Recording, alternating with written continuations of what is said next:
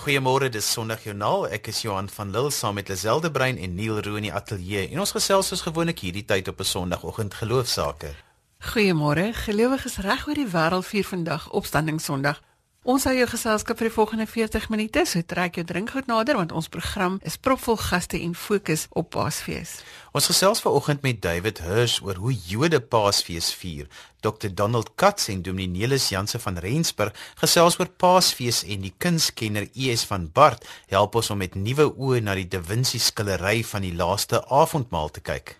Ons fokus vandag baie op simboliek en hande en daarom gaan Dominiek Grobler laastens aan die woord wees om ons te inspireer vir die week wat voorlê met die klem op ons hart in ons hande.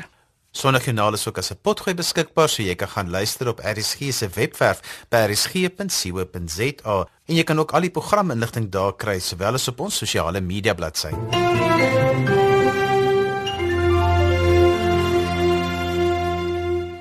Dominee Lesianse van Rensburg was vroeër die week by ons in die ateljee en ons het gesels oor Paasfees. Paasfees is die hoogtepunt van ons kerkjaar. Dit is net 'n eenvoudige, absolute wonderlike dag omdat ons op hierdie dag die opstanding van Christus vier.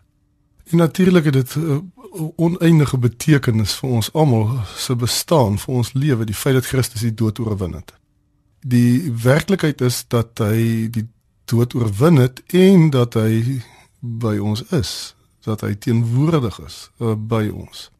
En dit verander alles. Uh, die feit dat ons 'n toekomsvisie het wat tot ander kan die graf strek, hoe min ons ook al weet van die lewe ander kan die graf, die sekerheid dat ons 'n lewe het ander kan die dood deur sy opstanding. Dit maak ons totale lewe anders. Nou die wonder daarvan is is dat hy vir ons veral geleer het om te leef die kant van die graf en uh, dat ons in Paasfees nie net vorentoe kyk nie, maar ook kyk na die lewe met hom, die lewende opgestaane Here Jesus die kant van die graf. Die feit dat ons glo in 'n lewe aan die kant die graf beteken nie dat ons hierdie lewe abdikeer nie. Inteendeel, dit beteken dat uh, die werklikheid van ons burgerskap van die toekomstige bedeling wat reeds deur Christus gevestig is, ons werklikheid nou al reeds geweldig beïnvloed.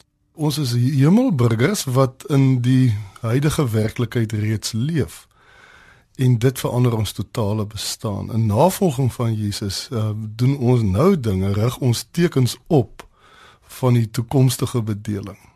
Is ons eintlik die hele tyd besig om die identiteit van 'n toekomstige hemeling, die hemelburger reeds nou al uit te leef. En dit doen ons deur ons liefde en ons omgee en ons versorging vir mekaar in die praktiese werklikheid van elke dag is ons anders. Ons is uh, verander deur die werklikheid van Christus se opstanding. Dit is met ander woorde nie net 'n saak wat in die toekoms lê en waarna ons streef nie. Ons is baie bekommerd dikwels daaroor dat mense so kyk na die opstanding dat dit amper is asof die hele lewe net daaroor gaan ek moet net seker wees ek gaan opstaan uit die doodheid. En die hele Christelike lewe gaan nie daaroor ek moet net sekerheid hê dat ek eendag die ewige lewe sal beerwe. Christelike lewe gaan oor veel meer as dit. Juist daai werklikheid maak dat ons nou reeds anders is. Dat ons vergewe, dat ons mekaar in die hand neem, dat ons versorg, dat ons um, liefhet op op 'n nuwe manier. So die wonder van Paasfees is dat dit vir ons um, inlei in 'n nuwe soortige lewe, die lewe van die opstanding wat ons nou al het en uh, dit gee vir ons 'n nuwe erns en 'n fokus op die op ons huidige bestaan.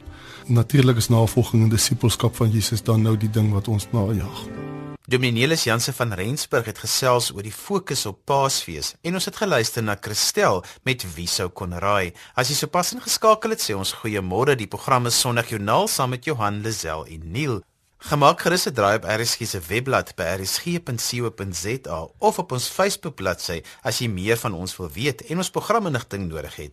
Jy kan ook SMS by 45770 teen R1.50 per SMS. Ek het vroeër met die kunskenner ES van Bart gesels oor die avondmaal van Da Vinci. Paasfees is 'n tyd waar die avondmaal 'n baie groot rol speel en sy vertel meer van die skillery se ontstaan en geskiedenis. In 1494 het Leonardo da Vinci opdrag gekry van die hertog van Milaan. En die hertog het belang gestel in die Dominikaanse orde. En hulle het die Santa Maria delle Grazie in Milaan aangeneem as hulle kerk en hulle dit eintlik gebruik as 'n mausoleum vir die begrafnis van die lede van die gesin. Ludovico het elke Dinsdag en elke Donderdag by die ap gaan eet. En dit is waar die idee ontstaan het om op die muur reg teenoor die tafel van die ap om daar 'n laaste avondmaal te skilder en uiteraard sou die opdrag na Leonardo gaan en dit is dan basies hoe dit gekom het dat Leonardo die opdrag gekry het om om die skildery in die refter te doen. Nou refter is die Afrikaanse woord vir 'n monnikenklooster se eetsaal. Wat is die betekenis van die laaste aandfondmaal binne die raamwerk van die verlossingsgebeure wat tydens die Paase herdenk word? As jy kyk na die verlossingsgeskiedenis en jy sou dit sien as 'n drama, dan is die laaste avondmaal die eerste toneel. Dit lei jou in in die geskiedenis van die verlossingsgebeure. Daarop volg die gebed en die verraad in Getsemane, dan kom die kruisiging, die opstanding en die hemelvaart en die uitstorting van die Heilige Gees natuurlik met Pinkster. Maar hierdie hele gebeure is gerig op die eskatologiese verwagting van die wederkoms. So wat jy kry is dat jy die begin, die laaste avondmaal en die sluitstuk die wederkoms. En dit is waarheen die Christen steeds in sy lewe op weg is. Daar is soos wat jy weet verskeie skilderye van die laaste avondmaal en hulle almal fokus op twee aspekte van die verlossingsgebeure. Die eerste een is die lyding van Christus wat verband hou met die verraad. Die tweede aspek daarvan is die verlossingsgeskiedenis waarmee dan nou jy by die by die instelling van die nagmaal kom. En die nagmaal verwys dan weer na die simboliese betekenis van die brood en die wyn. Nou wat jy in skilderye kry is dat die lyding van Christus word gesuggereer met Judas wat sy hand na die skottel toe uitsteek. Terwyl die instelling van die nagmaal weer gesuggereer word deur Christus wat sy hande na die brood en die wyn uitsteek. Jy kry dieselfde tonele soos wat jy weet in Leonardo da Vinci se laaste avondmaal. Jy kry vir Judas met sy hand by die by die skottel en jy kry vir Christus wat na die wyn en die die brood wys. Maar dit is nie waar Leonardo sy fokus plaas nie. En dit is wat hierdie skildery so uitsonderlik maak. Hy plaas die klem op die reaksie van die disippels direk nadat Christus 'n aankondiging gemaak het dat een van sy tafelgenote hom sou verraai. En jy sal merk dat hulle gesigsuitdrukkings besonder uitdrukkingsvol is en dat die handgebare besonder opvallend is. Nou dit kom ooreen met 'n teorie van Leonardo da Vinci en hy het sou trouens dit in 'n handleiding vir die skilderkuns wat hy geskryf het uitgespel dat die taak van 'n kunstenaar is om die emosies in die intellektuele denke van 'n uh, figure wat uitgebeeld word deur middel van gesigsuitdrukking en handgebare bloot te lê. En dit is dan nou presies wat jy in hierdie skildery sien, dat die klem lê op die disippels se reaksie. Jy sien jy sal die hele skildery kan lees deur net byvoorbeeld na hulle handgebare te kyk. Daar is byvoorbeeld die ongelowige Thomas wat met sy vinger in die lug staan. Daar is Petrus met die mes in sy hand. En natuurlik nou uh, Judas met sy sy hand oor die bak en Christus wat met sy hande wys na die wyn en die brood. En dit is wat mense aantrek na hierdie skildery want wat die disippels verteenwoordig is elke kyker want hulle verbeeld die emosionele dinamiek van daardie moment, die skokkende moment wat Christus sê iemand van hier gaan my verraai. En dit is wat mense so besonder treffend vind. En jy sal ook sien dat die Christus en die disippels se gesigte is in lig en dit is net Judas se gesig wat weggedraai is in die skadu. Met ander woorde, hy is hy is die skadu figuur. Kom die skildery so gou begin verval en wat is die situasie nou? Dit is 'n baie ironiese storie hierdie. Dit is direk Leonardo da Vinci se skuld. Die man se werkwyse was sodanig dat hy was intellektueel geweldig aktief en fisiek onaktief. Nou as 'n mens Plato hierby wil betrek, dan kan jy sê dat uh, Leonardo da Vinci het glad nie geglo in floue afskaduwing van idees nie. Hy het elke idee tot in die besonderheid uitgewerk. Nou, nadat hy nou met hierdie uitgebreide intellektuele aktiwiteit min of meer klaar is, het hy dan tot in die fynste besonderhede sy idees gaan skilder. En sodra as wat hy dit geskilder het, het hy dit gekritiseer met die gevolg is hy het aanhoudend sy werk verander. So wat ons hier het is 'n persoon wat die hele tyd volmaaktheid kontempleer. En volmaaktheid beteken net een ding, aanhoudende verandering.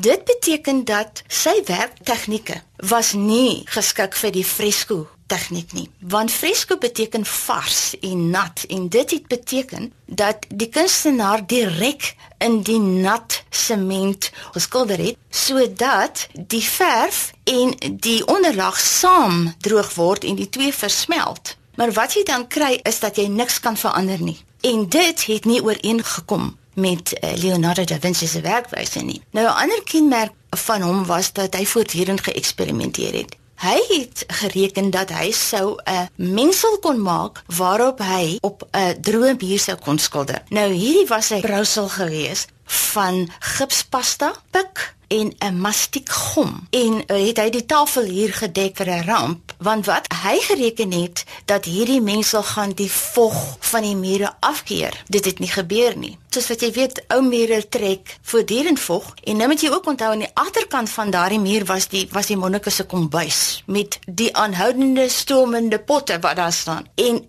wat jy nou gesien het in hierdie ou fotos van hierdie skilderye is dat die skildery lyk amper pointillisties asof 'n klein kolletjies bestaan. Wat jy sien is vlokkies verf wat deur die vog in die muur uitgedruk word. So met voortdurende restaurasieprosesse was 'n poging om hierdie vlokkies weer aan die muur vas te plak. En dan het hulle nou bo oorgeskilder. Nou kan jy self dink hoe ver jy wegbeweeg het van die oorspronklike skildery. Nou die laaste restaurasie poging het 22 jaar geduur en die skildery is toe weer in 1999 vir die publiek oopgestel. En die grootste deel van daardie tyd is gebruik om letterlik met 'n skalpel al die vorige restaurasie pogings van die muur af te krap totdat hulle op die heel laaste laag gekom het. En toe is bevind wat kunshistoriese baie jare af vermoed dat slegs 20% van Leonardo se oorspronklike skildery het behoue gebly. En ironies genoeg is een van die dele wat behoue gebly het, die gesig van Judas. Interessant dat sy spesifiek verwys na die hande in die skildery wat so pertinent en 'n groot rol speel. Volgende hoor ons van Dr. Donald Katz oor die betekenis van Paasfees.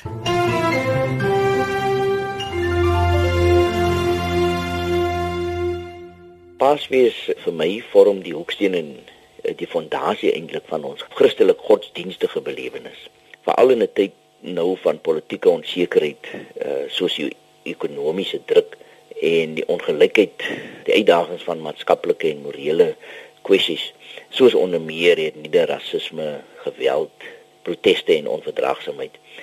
Dink ek die betekenis van Paasfees lê daarin dat dit vir ons 'n uh, boodskap van hoop bring en dit verseker eintlik vir ons dat die huidige wêreld met sy heersers en die probleme wat ons tans ervaar nie die laaste sê oor ons lewe en lewensbestaan het nie.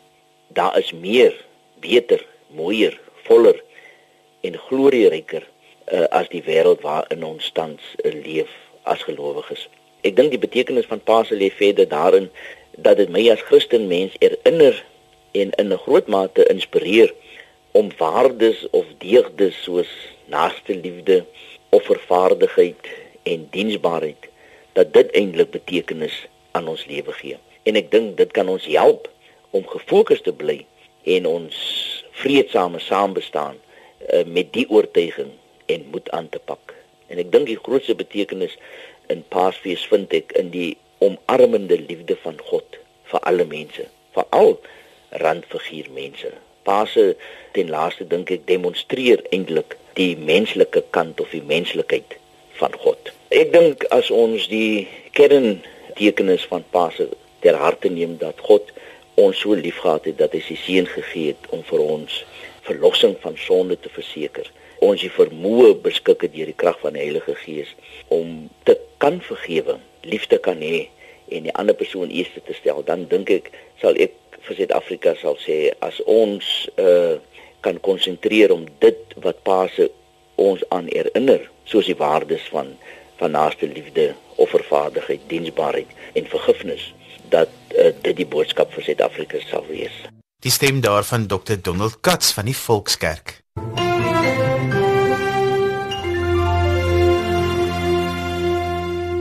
David Hirsch sluit vanoggend by ons aan en ons wil eersins bemoor wat is uniek aan die Joodse geloof en dan wil ons graag hoor hoe hulle Paasfees vier. Goeiemôre David. Hallo Lisel, lekker om saam met jou weer te wees. Ons kyk na die verskillende gelowe in Suid-Afrika en daarom wil ek vanoggend vir jou vra wat is uniek aan die Joodse geloof? Wat is uniek is dat ons in een God glo. Dit is die hele geloof. Daar is net een God. Ons sê dit op 'n daaglikse basis in Hebreëus, Shema Israel, Adonai Eloheinu, Adonai Echad. Luister Israel, daar is net een God en dit is wat ons glo. Die res van die geloof is kommentaar en ritueel en dinge wat deur die jare bygesit is, maar dit is geformaliseer vandag uh, as 'n geloof. En hoe dink julle oor die Messias? Die hele konsep van 'n Messias is eintlik 'n Joodse konsep en ons glo dat die Messias nog sal kom. Natuurlik die Christene glo daaraan dat die Messias aangekom het en dit was Jesus. Maar ons glo dat uh, die Messias nog sal kom wanneer niemand kan jou eintlik sê uh, vertel wanneer dit gaan gebeur, maar dit is wat die geloof nou sê en dat ons 'n Messias uh, gaan kry. Of dit 'n man gaan wees of nie, weet ek nie. Dis 'n hele konsep en ons sal uh, ure daaroor kan uh, stry en praat en al daai dinge kan doen. Maar uh, ons glo dat die Messias nog sal kom. David verduidelik vir ons van die rituele. Wanneer gaan julle kerk toe en hoe doen julle dit? Kyk, die groot ding is die Sabbat wat op 'n Saterdag plaasvind. Die Joodse dae begin die aand voor die dag. In 'n ander woord, op 'n Vrydag aand begin die Sabbat. En dit gaan tot die volgende Saterdag aand. Die Sabbat is eintlik daai 24 uur van Vrydag aand tot Saterdag aand. En ons wag, dit begin met die sonsak en dit eindig met die son wat sak. En ons het natuurlik al die verskillende uh, feeste en uh vakansie daar gedurende die jaar soos die Joodse Nuwe Jaar, uh die die Sukkot uh wat 'n geloftefees is, die uh, Pinkster, dis Shavuot en uh, natuurlik Pascha wat uh, onlangs uh, wat ons kortliks gaan vier. En daar's hier wat Joodse uh geloofs vakansie daar deur die jaar. Kom ons staan stil by Paasfees. Hoe vier julle Paasfees, David? Ons het uh, natuurlik 'n uh, maal, dis die Paasmaal. Dit is dieselfde maal as wat Jesus gehad het, soos hulle sê the last supper. En uh dit is die uh, Paasmaal en uh, dit is 'n uh, uh, waar ons die hele fees is 'n fees van vryheid wanneer ons onthou hoe die Almagtige ons uh, voorvaders vrygestel het van slawerny in Egipte. Ons ken almal daai storie en uh, hy het ons gehelp om 'n vrye volk tot stand te laat kom. Ons het die maal, ons eet matza, ons eet nie gewone brood nie. Gewone brood en enigiets te doen met gewone brood word uh, skoongemaak in die huis en dit is nie in die huis glad nie.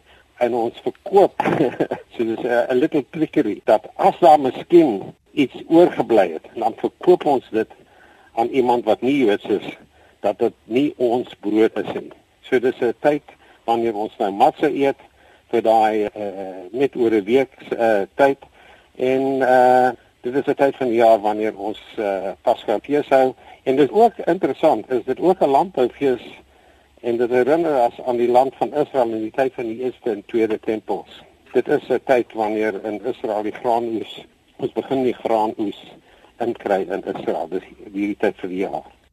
David, en wat doen julle op die Sondag wat vir die Christene opstanding Sondag is? Ons vier eintlik twee dae in die buiteland, buite Israel. Uh ons seker te maak dat ons dit op die regte tyd doen want kyk daar dit is 'n verskil hang af natuurlik op in watter land jy nou bly. In Suid-Afrika is ons 2 uur uh nee ons is dieselfde tyd as Israel in Suid-Afrika. Uh behalwe natuurlik die hierdie tyd van die jaar wanneer hulle dit nou somer word in Israel dan het hulle wat hulle daylight saving noem. Maar ons is, is eintlik in dieselfde tyd as Israel. Maar as jy nou in Engeland bly, is jy 2 uur agter. In Amerika is dit 6 tot 10 uur. So ons seker te maak dat ons hierdie uh, fees op die regte tyd vier, doen ons dit oor 2 dae. So dan is die eerste aand en die tweede aand met dieselfde die die dieselfde rituele en die storie met die matzah en ons stel die storie uh, aan die kinders want opdrag is gegee aan ons ouers dat jy dit aan jou seun sal vertel en dit is wat ons nou doen. En dit is die storie van om uit slawerny bevry te wees. Ja. Uh op die einde van die maal is 'n interessante liedjie wat ons nou sing. Dis 'n volks uh, liedjie. En dit vertel die storie van een bokkie wat my pa gekoop het vir 2 zuzim. Zuzim is geldstukke. Toe kom 'n kat en verslind die bokkie. Ek sal al die ding verduidelik. Toe kom 'n hond en by die kat. Toe kom 'n stokkie en slaan die hond. Toe kom 'n vuur, verbrand die stokkie. Toe kom die water en blus die vuurtjie. Toe kom 'n os en drink die water. Toe kom die slagter en slag die os. Toe kom die engel van dood en tref die straf, die slagter. Toe kom die heiligste mag. Eh uh, mag uh, die heiligste mag hy geprys word en eh uh, verdelg die engel van van die van die dood. Hierdie hele storie is 'n tradisionele en populêre vertolking van die volksliedjie eh uh, hierdie ding van die klein bokkie. Die bokkie is die volk van Israel wat God verkry eh uh, verkry het deur vir ons sy, sy wet te gee. Die Zuzim is net twee uh, veldstukke soos ek verduidelik het. Babylonia het die Joodse staat verniel. Die hond is die Persiese ryk wat Babylonia verower het. Die stokkie Alexander Grote, die Grote wat Persië verower het. Die vuur is die Romeinse ryk wat stop gesit het aan die Griekse uh, heerskappy water die Turke wat die Romeinse oostelike besittings ingeneem het. Uh die verse wat volg verwys na toekomstige gebeurtenisse wat met uh, begeerlike era van die Messias sal eindig. Ek het 'n ander uh, benadering aan hierdie hele ding en dit is dat daar altyd iemand wat groter is as wat jy is. Soos jy na die storie luister. En ek herinner jou, is die bokkie wat deur die kat eh uh, vers, uh, verslind is en so aan en so gaan tot ons by die eh uh, almagtige uitkom. En dis die belangrike ding wat ons vandag moet onthou. Daar's altyd iemand wat groter as jy is. Dis reg, ja. David in Matza, dit is 'n brood wat sonder suurdeeg gemaak word.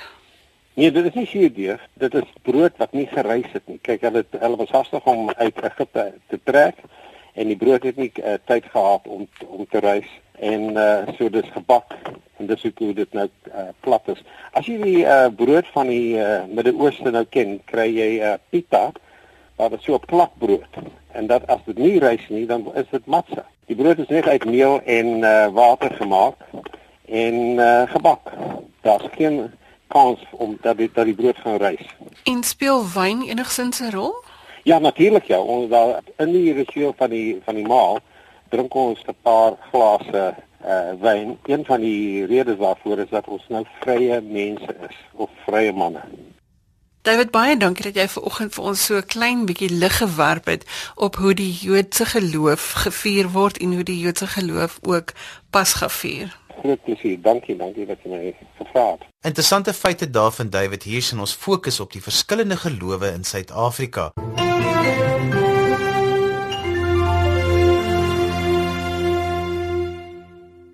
Dr Isak Burger verduidelik Paasfees vir ons so. Wel die Paasverhaal wat oor Paasnaweek plaasvind is die grootste storie ooit. Dit is God se twee groot gebeurtenisse wat die wêreld verander het. Dis die naweek wat die wêreld verander het. Dis Goeie Vrydag en en Paasondag of Opstandingssondag. Uh, as ons praat van Goeie Vrydag, dan moet ons besef Goeie Vrydag het eers Goeie Vrydag geword na Sondag se opstanding. Daardie Vrydag self was vir almal wat volgelinge van Jesus was en wat hom liefgehad het. Was daardie Vrydag 'n onverstaanbare Vrydag. Dit was 'n pynlike Vrydag. Dit was 'n slegte Vrydag. Dit was 'n donker Vrydag. Daardie Vrydag was die mense wat vir wie dit 'n goeie Vrydag was, sy vyande.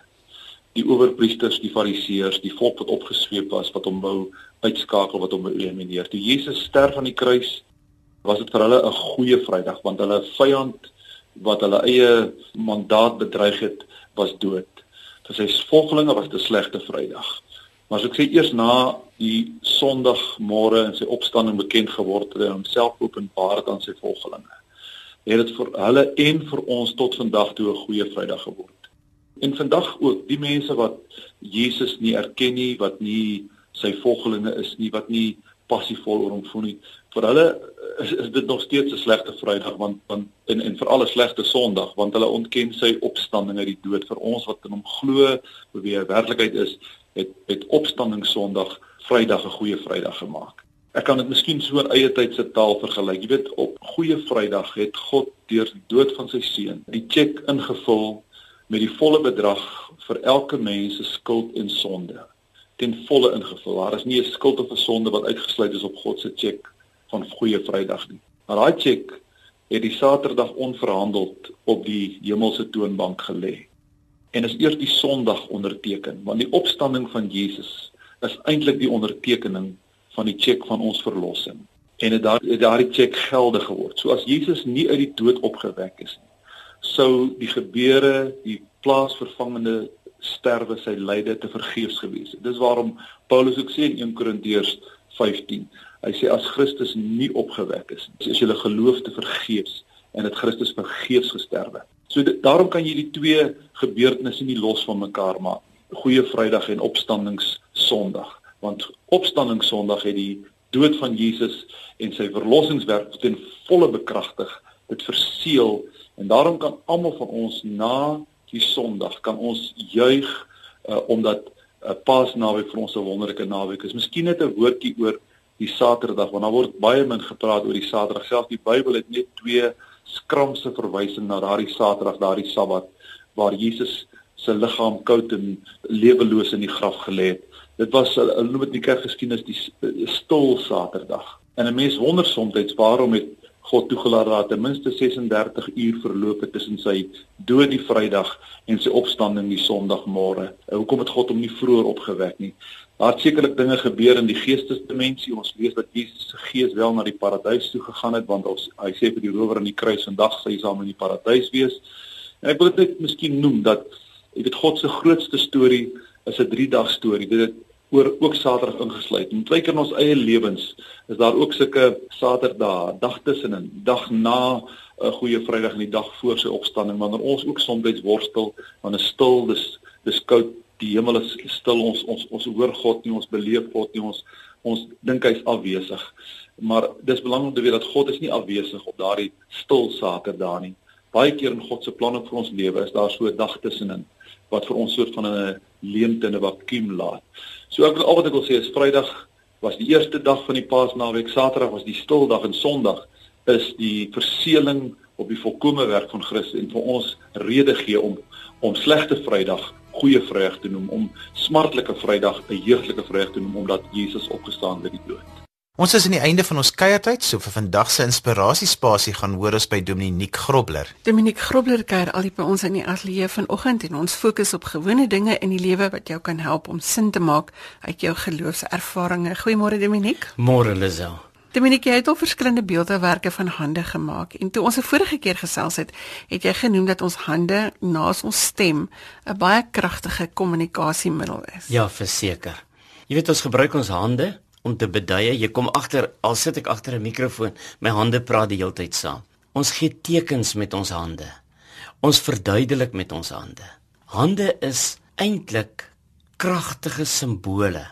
Ons gebruik byvoorbeeld hande wat saam bid as 'n simbool van gebed. Ons gebruik 'n hand wat uh, uh in die lig opgehou word as 'n hand wat oop is om mense te wys hulle moet stop. Ons wys met ons hande goedkeuring of afkeuring. So kan ons baie dinge noem. Ek hou daarvan om hande as simbole te gebruik om ook Bybelse waarhede uit te beeld. So het ek byvoorbeeld die twee hande gemaak waar die een hand sy greep verloor het, die toukie het uitgegly en die ander groot sterker hand hou hom vas met die boodskap daarbey: God is daar as jy jou greep verloor het.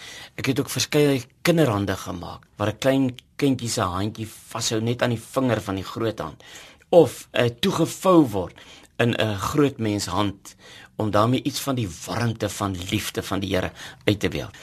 Maar ek het nou die kern van almal ook al gemaak en dit was die hand met die spyker in wat 'n simbool is van die kruisiging met 'n sterk boodskap daarbey dit het die Here vir jou gedoen wat doen jy vir hom Maar ek het die afgelope tyd 'n uh, ander beeldewerk ook gemaak vanaand. Dis die een wat in die lig opstrek wat lyk asof dit 'n hart vashou. Dis reg. Die uh, hart is in die palm van die hand, maar die hand is gestrek. En ek wil eintlik twee dinge daarmee sê wat vir my uiters belangrik is en wat die hand as simbool vir my baie duidelik uitbeeld. veral met die hart in die palm van die hand. Die eerste is dat die Here kom as ons Skepper na ons toe. En hy sê vir ons: "Gee my jou hart." Gee my jou hart. En daarmee bedoel hy eintlik: "Vertrou jou lewe aan my toe. Ek sal vir jou sorg. Ek sal jou beskerm." En hy maak hierdie wonderlike beloftes teenoor ons. En elkeen van ons het die keuse wat ons moet maak om te sê Here, hier is my lewe. Ek gee my lewe in u hand. Ek aanvaar die verlossingsplan wat u uitgewerk het as die regte en ek neem Jesus Christus aan as my saligmaker. Ek is baie dankbaar, jy weet Lisel, ek was in standaard 9 of graad 11, né? Toe 'n uh, skoolmaat van my vir my die belangrike vraag gevra het: "Het jy jou lewe al vir die Here gegee?" Nou ek het ook, jy weet, uh, soos die meeste van ons maar gesê ja, jy weet mos ek gaan kerk toe en ek lees my Bybel. Uh, ja, maar hy het agtergekom ek praat nie heeltemal die waarheid nie. Daar's 'n verskil om net die dinge te doen wat godsdiens vra en aan die ander kant in 'n persoonlike verhouding met die Here te staan te kom. En gelukkig het hy dit toe verder gevat saam met my gebid en in die gebed kon ek my lewe vir die Here gee. En ek moet sê dit was nou nie 'n dramatiese ding wat gebeur het, maar een ding het ek geweet. Ek het gedoen wat die woord sê. Romeine 10 vers 9. As jy met jou hart glo en met jou mond die Here Jesus bely, sal jy gered word. En en daardie uitnodiging wil ek deur hierdie beeldhou werk ook rig tot mense. Gee jou lewe vir die Here. Vertrou jou hart aan hom toe. En ek kan daarvan getuig, jy kan daarvan getuig, ons almal kan wat dit al gedoen het. Dis die moeite werd. Om jou lewe vir die Here te gee is die moeite werd. Ek weet nie hoe maak mense wat nie hulle lewe vir die Here gegee het. Tweede ding is Ek wil graag hê hierdie beeldhou werk moet ook eh, elke keer wanneer 'n gelowige daarby verbystap vir hom tot geloofsversterking dien of vir haar.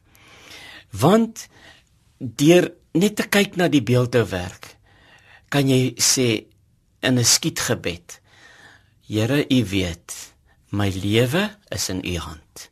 Ek het my lewe, ek het my hart vir U gegee. Ek self baie keer as ek by hierdie beeldhouwerk verbystap, jy weet, veral in 'n krisis oomblik, dan dan praat dit met myself. En dit is vir my tot geloofsversterking dat ek kan sê, Here, U weet, ook in hierdie omstandighede, my lewe is in U hand. Ek vertrou U. Jy sê 'n baie belangrike ding wat ek dalk net wil uitlig. Jy sê wanneer jy in 'n krisis oomblik is, baie mense sê gelowiges het nooit krisis oomblikke nie maar ons het. Natuurlik. Ja, dit beteken nie jy's nou volmaak nie, né? Ons groei tot volmaaktheid en ons is nog op hierdie aarde en ons het die uitdagings elke dag van hierdie dinge wat vir ou partytjie baie vies maak en kwaad maak en en jy moet daardeur, maar die wonderlike is die Here het dit so beskik juis sodat ons ook met ons eie vrye keuse kan sterker word in ons geloof. Hoekom het die hart so veelkantige grofheid? Teenoor die gladheid van die hand. Dis belangrik, Lisel. Ek het aanvanklik die hart glad gemaak, maar toe besef ek dis nie 'n goeie weergawe van die werklikheid nie. Want ons hart het maar baie kante, jy weet, skerp kante ook. Ons lewe getuig daarvan. En partykeer stel jy die Here baie te leer, jy weet met 'n ding wat jy sê of 'n ding wat jy doen en agterna besef jy maar dit pas nie by my as kind van die Here nie. En wat jy dit erken en dit bely. Maar hierdie grouwe hart van ons word geslyp so met die tyd saam en jy word al meer na die beeld van die Here Jesus self gevorm. En dis die wonder daarvan dat die Here met ons so baie geduld het, jy weet uh, dat hy eh, geduld het met ons hier meer en dat hy geduld het met ons wat so maklik kwaad word he. en met ons tekortkominge en dat hy met ons die pad stap om ons te help om na sy beeld gevorm te word. Ons boodskap om mee af te sluit vandag. Sorg vir jou hart op alle wyse, fisies maar ook geestelik. Sorg dat dit veilig is. Dominiek, baie dankie dat jy vanoggend saam met ons gekuier het. Ek wil saam met jou stem. Lisel en ek wil net 'n bietjie daarop uitbrei en sê lê jou jou hart, jou lewe in die hand van die Here, want dis waar jy veilig is. Dankie vir daardie boodskap. Dominique Grobler was in gesprek met Lisel. Ons het die foto van die kunswerk op ons Facebook bladsy gelaai as jy wil gaan kyk. Ons is ook aan die einde van vandag se program en ek groet tot later vandag wanneer ek weer agter die mikrofoon inskuif vir ons in die onderwys. Net hierna Jermaine Hansen met die Bybelstorie en dan natuurlik die 8 uur nuus van my Johan van Lille. Tot volgende week. Totsiens. Jy kan vir my e-pos met kommentaar of as jy 'n geloostorie met ons wil deel, my e-posadres is lazel@wwmedia.co.za of jy kan vir ons 'n boodskap stuur deur die webwerf by rsg.co.za. Tot volgende week groet ek dan ook namens produksieregisseur Neil Roo. Geniet die lang naweek, maak 'n verskil in iemand se lewe, ryk uit en maak iemand se dag makliker. Totsiens.